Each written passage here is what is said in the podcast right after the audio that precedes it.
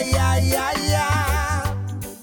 Hallå och willkommen till Företagarpodden med mig, Julia Selander, VD am eh, Venture Cup. Und mir, Günther Morder, der Ver Förbundsdirektör auf Företagarna.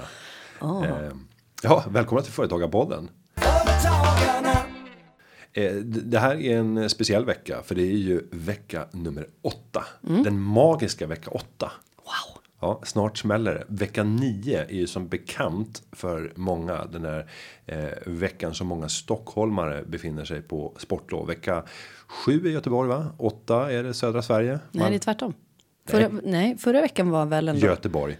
Det vet jag med bestämdhet. Vad är det för vecka nu? Åtta? Det är vecka 8 den Ja, här men, veckan. ja, exakt. Då har vi- ja, för vecka Sju sju, Göteborg. jag är från Göteborg, Södra jag Sverige vet. 8. Jag har inga barn, så 9 jag har Stockholm. stenkoll. 10 Norrland. Exakt. Mm. Och det vet jag också för att jag har planerat en nationell träff för vår personal och då har vi kontor i alla de här fyra delarna. Så att det är i princip en kaos. månad Ja. som man inte kan ses för att alla har barn. Det är bedrövligt. Skaffa i barn. Jobba mer. Så med den uppmaningen så går vi vidare här i podden. Eh, och eh, jag tänker mig att vi eh, checkar in lite grann. Hur, hur, har, hur har helgen varit? Vad har hänt sen vi såg sen senast? Hur var det här då? Hur var det här då? Eh, jo, men jag har en eh, företagsidé. Jag och min kära eh, roomie, eh, Duff, vi har kommit på att vi ska bli, eh, vi ska göra liksom en helvändning. Vi ska lägga ner våra nuvarande uppdrag eh, och så ska vi bli poliser istället. Okej, privata poliser eller vanliga anställda poliser? Vi får se, det beror på hur långt vi kommer. Men eh, jag tänker det vore väldigt kul eh, för oss att patrullera runt i en bil och spana och eh, göra märkliga ingripanden. Men ska man tänka lite, eh, lite annorlunda där så skulle jag ju tänka privatdetektiv. Alltså vi umgås ju mycket ute bland folket och eh, framförallt eh, ja, kändisarna va? Där är jag som en igel va? Ja, det kan jag se framför mig. Ja. Och det är mycket kalas och då kan jag tänka att jag är otroligt bra eh, privat. Jag, alltså, man vill ju inte stå som de på Almedalen och bara så här med hörsnäcka helt stela. Man ser ju direkt vilka de är. Man Där vill- jag kommer. Hallå hallå, hur var det här då? Och sen så bara bam. Så bara smäller. Där var det droger. Ja. Där var det fuffens. Och hitan och ditan. Men det låter lite grann som att du skulle vilja jobba som i, i, infiltratör. Mm. I alla branscher. I alla branscher. Mm. Fast framförallt i festbranschen. Nej, i alla branscher. Åka runt och typ arrestera folk för att de... Vad har du på dig Så egentligen? här bara, mjölkfettsbranschen. Så bara, vad blandar du i det här fettet? Det här kan du inte ha på dig. Vad är det här för fett? Ja, nej men exakt. Så det, och det här kommer ju från att vi har tittat lite grann på kriminalserier i helgen. Eh, även varit på diverse kändisfester. Det var kul. Ja, det är bra. Ja. Eh, det var mycket roligt. Men, nej, men det är mycket jobb och eh, mycket roliga grejer som händer. Eh, ingenting jag kan avslöja ännu. Nej, vi får se. Mm. Snart kommer detektivbyrån. Badaba, badaba, badaba. Vad har du gjort? Eh, men det stora, den stora happeningen var ju eh, Entrepreneur Ski Week. Vi drog upp i torsdags med ett, eh, en egen vagn på eh, som SJ hade upplåtit åt oss. Det var fantastisk service. Och där åkte vi eh, hela vägen upp till Åre tillsammans med 60 stycken unga entreprenörer och det var bra drag kan jag säga. Vi hade fyra stycken fantastiska dagar eh, tillsammans. Jag var tyvärr eh, tvungen att dra lite tidigare för jag skulle ju, eller tyvärr ska jag inte säga. Jag, jag var tvungen för att jag ville. Eh, för att min eh, eh, systerson, systerson heter det, skulle döpas. Så därför åkte jag hem på lördag morgon. Früh am Morgen. Åh. Mm. Eh, und eh, was eh, heißt eh, er? Osk, Oskar Axel heter grabben. Oskar Axel. Ja. Mm. Oskar det, Axel Günther. ja, Günther. Fast ett stumt Günther. Gun, Gunta. Günther. Gunta. Okej, och hur var du inblandad där då? Eh, nej men där, där var jag tillfrågad att eh, göra ett gig. Så att eh, jag gjorde även ett, ett sånganförande. Det gjorde jag. Och sjöng Vilken fin present. Det gåtfulla folket. Olle Adolfssons vackra, vackra melodi. Det är en klassiker. Nej, och där, det var väl, eh, det var väldigt kul. Eh, Men eh, jag hade ju en dotter som bestämde sig för att här ska inte någon annan få någon uppmärksamhet.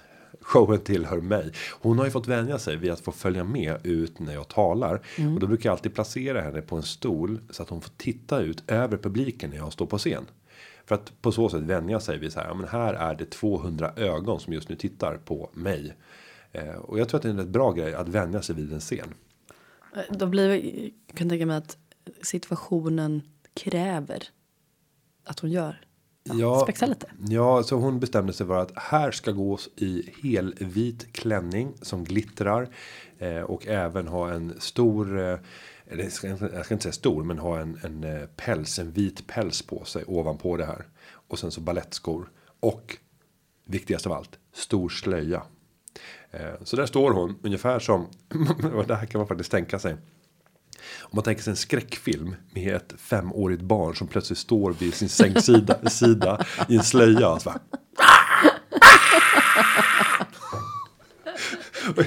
Eh, och, och för dig som vill uppleva det här så har jag lagt ut det både på Twitter och Instagram och på Facebook. Och på eh, Facebook och Twitter så är det lite längre. Eh, Så där kan man se det här inslaget. Och när min dotter plötsligt får feeling under sångstunden och börjar dansa. Eh, Och står framme vid eh, ja, Axel Oskar som är i sina föräldrars famn. Och sen så börjar hon ta ballettsteg och det, det är inte vad man tänker när man ska stå framme vid altaret i kyrkan. Att nu passar jag på här med min slöja och min vita klänning. Att dra, i, dra av en riktig dans. Men eh, det tyckte hon var lämpligt. Och jag tror att det här har med fostran att göra. Jag tror att hon känner sig bekväm där på scen. Och det glädjer mig. Eh, för att hon är inte någon person som normalt sett tar för sig. Men hon känner sig bekväm när hon står inför de här stora mängderna människor. I centrum. Vad tror du att hon kommer säga om eh, sin uppväxt i det sociala forumet Instagram? När hon blir stor. Ja, hon kommer vara väldigt glad. Hon kommer vara väldigt glad över det. Tror du hon kommer vara kändis eh, liksom Instagrammare eller vad man nu är om 15 år? Eh, vill man det? Vill man det? Det beror ju helt på vilken profil. Alltså som förälder. Alltså, åh, vill man att sitt barn ska bli en influencer? Alltså om, om det är rätt eh, content så skulle jag vara väldigt stolt. Men det finns en risk också att man lockas av det som är lättsålt. Eh, och då skulle jag nog bli väldigt besvärad. Och då skulle hon härleda det tillbaka till just den här helgen. Vecka. Just, ja, Mellan vecka 7 och vecka 8. när du tvingade på mig, mig slöjan i kyrkan. Där kom vändpunkten. Pappsen. Ja. Du har ju varit ute på äventyr då som sagt. Ja, det har jag varit. Men eh, det som nu kommer att hända, det var att jag under Ski Week fångade en av deltagarna som är vd och grundare för To Borrow. Eh, hon heter Sofie Lundström och kan få verka som en representant för hela gräsrotsfinansieringsrörelsen. Jag tror så här att vi kommer att få se nya typer av finansieringsformer som på allvar tar sin form nu under de kommande fem åren. Eh, Digitaliseringen har gjort att det här har vuxit fram för det är lättare att matcha de som har pengar med de som behöver pengar. Men hittills har det varit en viss omogenhet både hos företag att vilja gå ut och söka finansiering på det här sättet eh, och även hos enskilda individer att vilja ställa upp och finansiera. Men det här tror jag är ett växande område. Tittar man till exempel ut i anglosaxiska länder, om vi tittar på England och USA, så har det kommit betydligt längre än i Sverige. Så jag tror att vi står inför ett skifte. Tror du där- också att det påverkar att det blir liksom en demokratisering av var kapitalet går någonstans? Ja, jag tycker det är lite töntigt när man håller på och pratar om vi ska demokratisera. Ja, men vi gjorde alltid det på, på eh, Nordnet när jag jobbade där och jag tyckte att det var töntigt. Varför då? Vi demokratiserar sparmarknaden. Kan det må hända vara för att du är en vit medelålders man som tycker att det är töntigt? Med demokrati. Ja, eh, jag menar det med Vad- Vad är det där? Nej, vi, vi håller på att demokratisera skönhetsbranschen. För vi ska göra skönhetsbehandlingen hemma hos människor. Nej, men jag menar såklart att kapitalet ska gå till eh, bolag med kvinnliga grundare. Jaha, nej, nej, absolut inte. Det har ingenting med det att göra överhuvudtaget. Varför skulle det komma i högre eller lägre utsträckning? Bara för att det är Om- det blir lättare för fler människor så finns det väl fler, alltså andra sätt tänker jag, eller? Ja, på marginalen kanske. Men nej, jag tycker inte det handlar om det. Men jag, jag bara ogillar när man tar demokratiseringsbegreppet och kidnappar det och placerar det i sammanhang där det inte hör hemma. Då tycker jag att vi tar och demokratiserar det här avsnittet och så Ja. går vi vidare. Och så, Man kan säga att, att eh, podcasten har demokratiserat eh, informationsflödet. Kontakten med människor. ja men det kan man väl ändå säga. Ja, men så demokratiserat. Nej men ja, okej. Gå- Vet du ja, förresten Vet vad- du vad vi säger så här? Nu är det upp till dig som lyssnar. Vem har rätt? Är det jag eller Julia? Missbrukar vi begreppet demokratisering? Nej, det kan vi inte alls säga för det, det håller jag inte med om. Det jag frågade var, tror du att det här kommer, alltså, du pratar om digitaliseringen av var pengar kommer någonstans till bolag och hur man söker kapital. Tror du att det kan påverka demokratiseringen av vart kapitalet hamnar? Det var det jag frågade. Vad gäller kvinnligt och manligt och företagen och pengar? Ja, jag skulle inte- jag om man överanvänder begreppet demokratisering. Jag kommer säga att ja, det kan säkert på marginalen vara en fördel för kvinnor. Mm.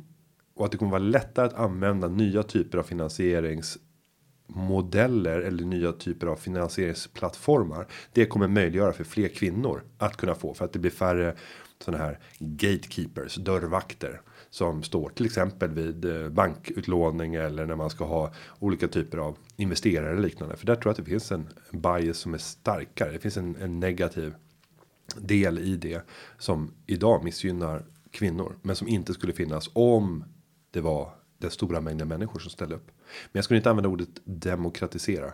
Eh, Men nu är det upp till dig som lyssnar. Gå in på Twitter och på Instagram och meddela. Vem tycker du har rätt? Ja, och framförallt, vem tycker du är bäst lämpad som politiker? Och det här är kanske inte bara en fördel, utan det är så här, ni hörde ju att Günther då tog det som jag tyckte och la in i sin egen åsikt och sen fick ändra det tillbaka som att jag inte tyckte det. Oj, Nu ska vi också. Vi är på bettet här den här veckan. Ja, och eh, du får skicka in frågor till podden också och då använder man vad då? Hashtag Företagarpodden på Instagram eller Twitter eller så går man in på företagarpodden.se. Och där finns det ett formulär som man kan fylla i. Ja, det gör det. Sen har vi ju efterlyst att få se bilder på dig som lyssnar på podden och vad du gör för tillfället. Och det här har Niklas Skogsservice gjort. Han har gjort två inlägg där han är ute och röjer som bara den i skogen. Och följaktligen eh, lyssnar på Företagarpodden. Och vill ni se typ världens längsta motorsågsblad på en Husqvarna-maskin. Då ska man gå in på hans konto. Jag tycker det är fantastiskt. Förra, förra veckan eh, så var vi eh, vi var med dig i badet, sa vi. Vi är också med dig i skogen. Vi är med i badet och i skogen och i sängen. Eh, vi ska också nämna eh, Main Home som har gjort eh, flera inlägg och visar eh, när de eh, lyssnar på Företagarpodden. Så lägg gärna upp en bild på dig själv också. Ni är den här veckans favoriter, det kan vi ändå säga. Ja, det måste vi säga. Nu har det, tycker jag, blivit dags att få lyssna på den intervju som jag gjorde upp i året tillsammans med vår expert på crowdlending. Så vi säger, här kommer den. Varsågoda. Då har jag den stora äran att få hälsa Sofie Lundström, vd på Tubaro. Välkommen till Företagarpodden. Tack så hemskt mycket. Kul att vara här. Och nu får du börja med att berätta om eh, Tubaro till, till att börja med och sen tänkte jag försöka gräva lite djupare vem du är. Tubaro först. Då börjar jag med Toboro. Toboro är alltså en marknadsplats för lån till småföretag där småföretag kan låna pengar direkt av privatpersoner, andra företagare och banker. Så vi försöker skapa ett väldigt enkelt och snabbt och flexibelt sätt för småföretag att hitta finansiering till den eh, tillväxt de har framför sig. Och vi gör det genom att eh, låta dem vända sig till allmänheten och hitta här, de här pengarna som de behöver för att växa.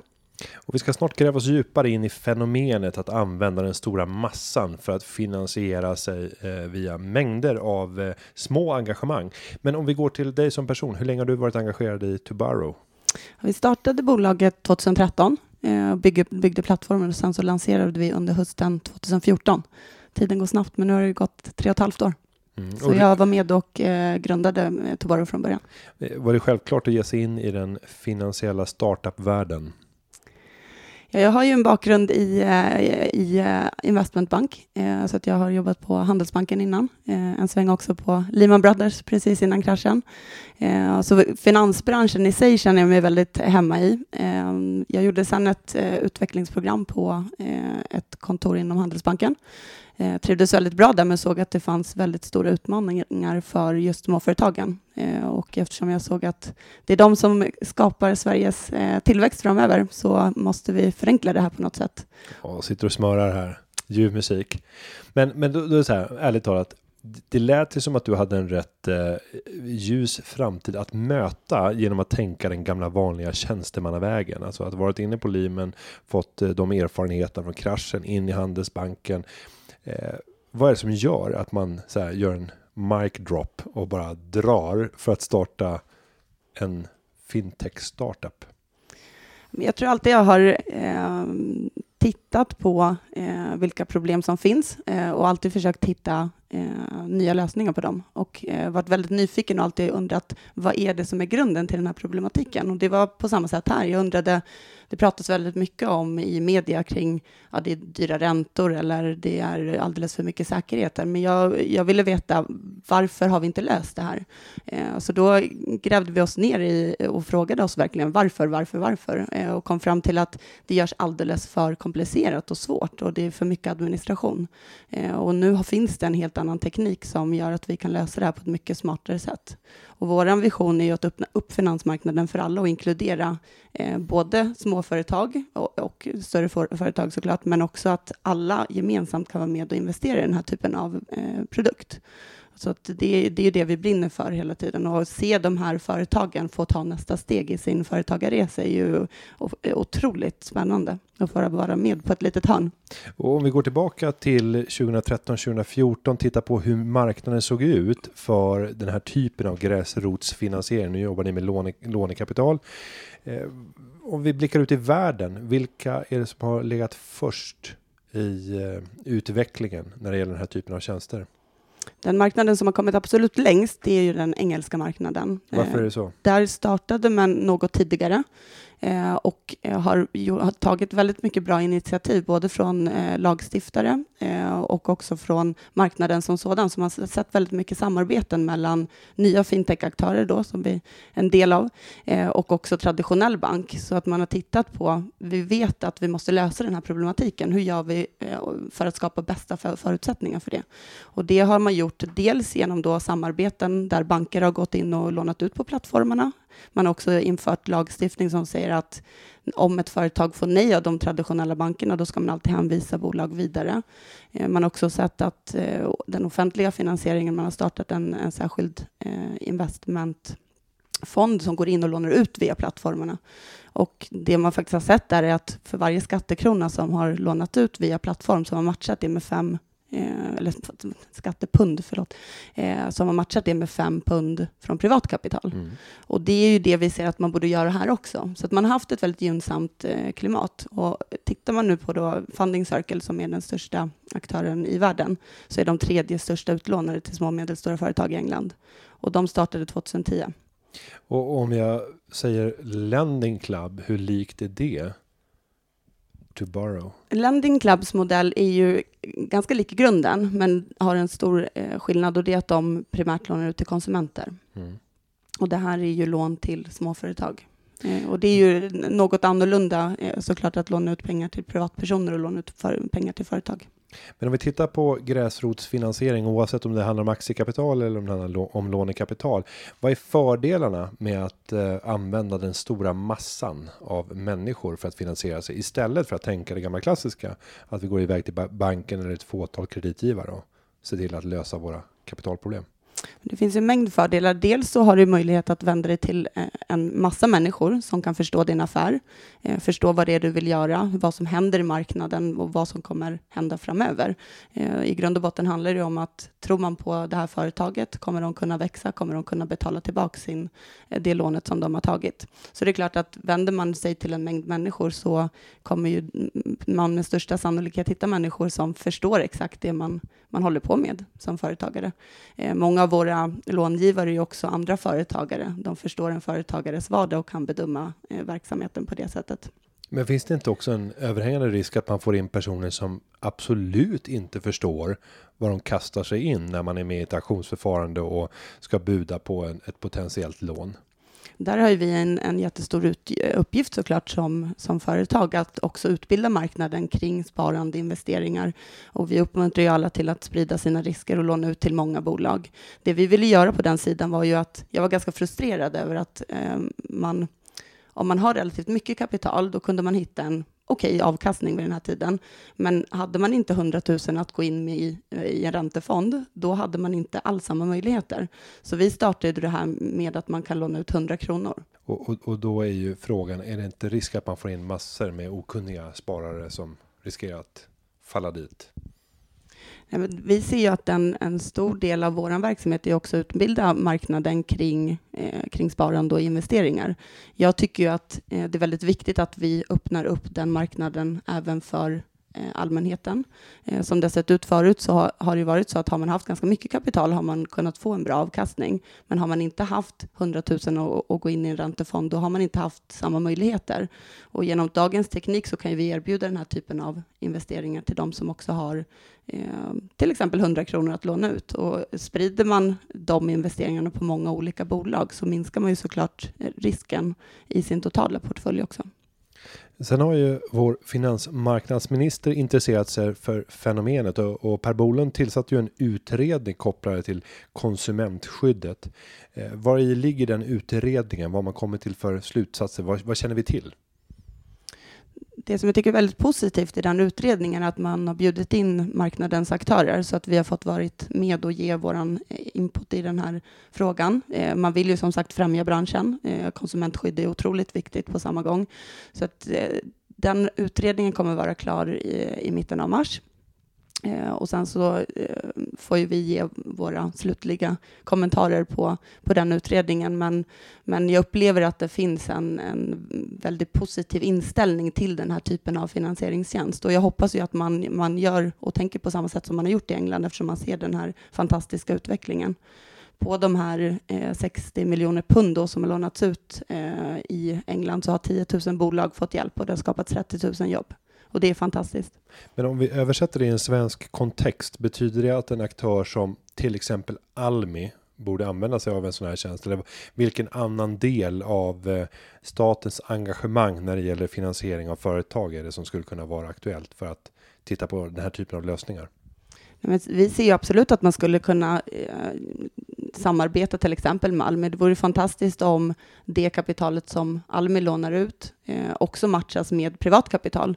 Eh, Almi gör ju en fantastisk, ett fantastiskt jobb i sina verksamheter. De har väldigt eh, hög kompetens i sin rådgivning och i sina eh, kreditbedömningar och analyser. Skulle vi kunna koppla ihop det och tillsammans också, apropå utbildning, få in mer privatkapital i den typen av investeringar så skulle vi göra otroligt mycket tillsammans.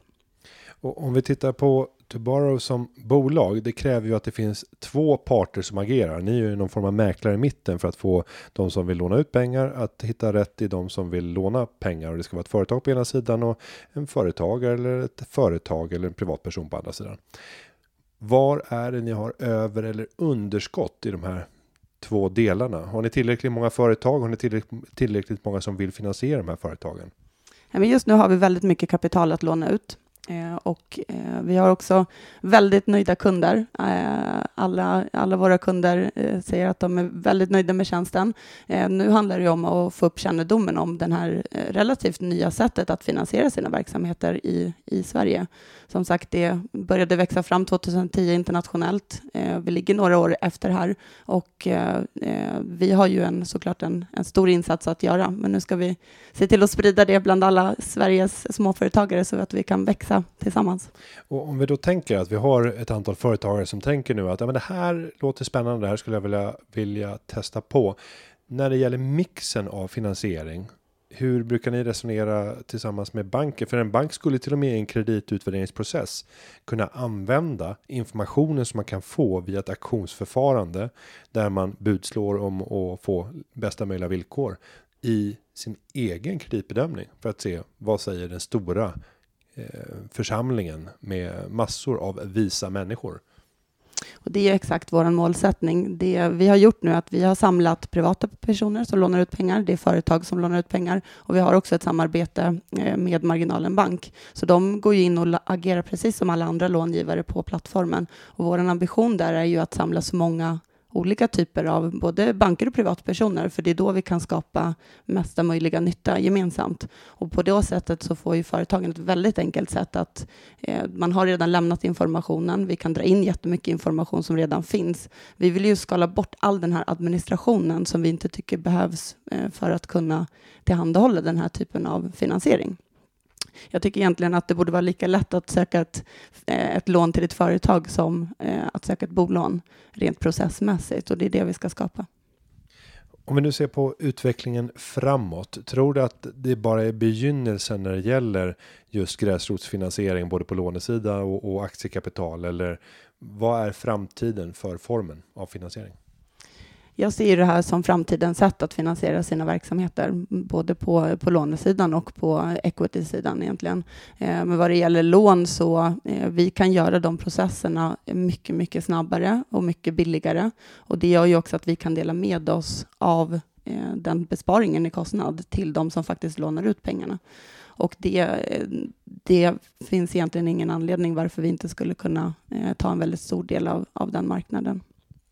Men om jag själv hade suttit som eh, vd för någon av storbankerna så hade jag ju tänkt att det här är en verksamhet som vi borde äga. För vi har massor av företagsrådgivare här som kommer att säga nej till mängder av krediter. Och då skulle vi kunna skicka de här till det här dotterbolaget eh, för att gå ut på den öppna marknaden. För sen har vi massor med privatkunder som vill ha bra avkastning på sina pengar och vi har inga produkter som genererar någon avkastning i dagsläget. Är det storbanker som knackar på dörren och vill köpa lösningen eller? Men jag tror att det, det handlar mycket om att eh, det har varit väldigt tidigt skede. Vi har haft eh, väldigt goda dialoger. För, för oss har det varit väldigt viktigt att poängtera att jag tror att vi kommer lösa om man, det här problemet då, som, som faktiskt har diskuterats väldigt länge. Vi kommer lösa det gemensamt. Eh, vi ser gärna eh, samarbete med eh, både banker och andra typer av institutioner och såklart, tänk om vi kunde få in pensionskapitalet och investera där nio av tio jobb skapas. Det vore ju fantastiskt. Och vilka är utmaningarna för en bank att bara rakt av kopiera modellen? Jag menar, det finns ju ingenting patenterat i, i det ni har gjort. Att starta precis samma sak och plötsligt sitta med alla de här företagen som behöver finansiering och alla de här kunderna som vill ha avkastning på pengarna.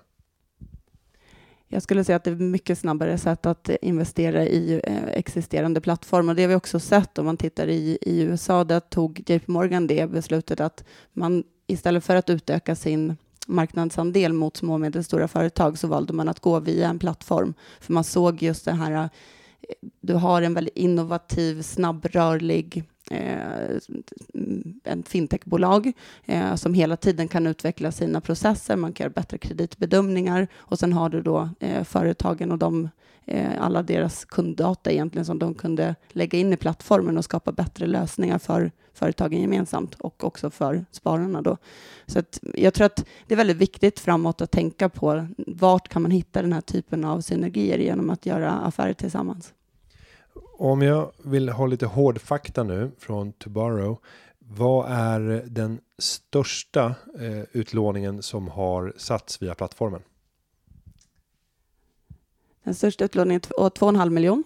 Mm. Och vad blev det för ränta? Har du det i huvudet? Den stängde just precis, så det har jag inte exakt ränta, men den lägsta Ungefär. räntan vi har haft ligger på 3 procent. Mm. Och vad gör du för bedömning? Kommer man att kunna pressa ner det ännu lägre än 3% om det kommer in andra typer av case? Jag tänker 3 då måste det ju varit ett case som närmast hade kunnat gå till banken och få all den finansiering. Jag ska se också att finansieringen är ju en del. Eh, man måste ju titta på den totala kostnaden i den tiden man lägger ner på att sköta de här processerna. Eftersom det går så extremt snabbt och enkelt så blir det ju både räntan och tiden eh, och de affärerna som man kan ta sig an genom att få tillgång till det kapital man behöver eh, tillräckligt snabbt. Men sen så finns det ju också en hel del marknadsföring, du har kundlojalitet, så att finansiering har blivit någonting som har också skapat väldigt mycket mervärden.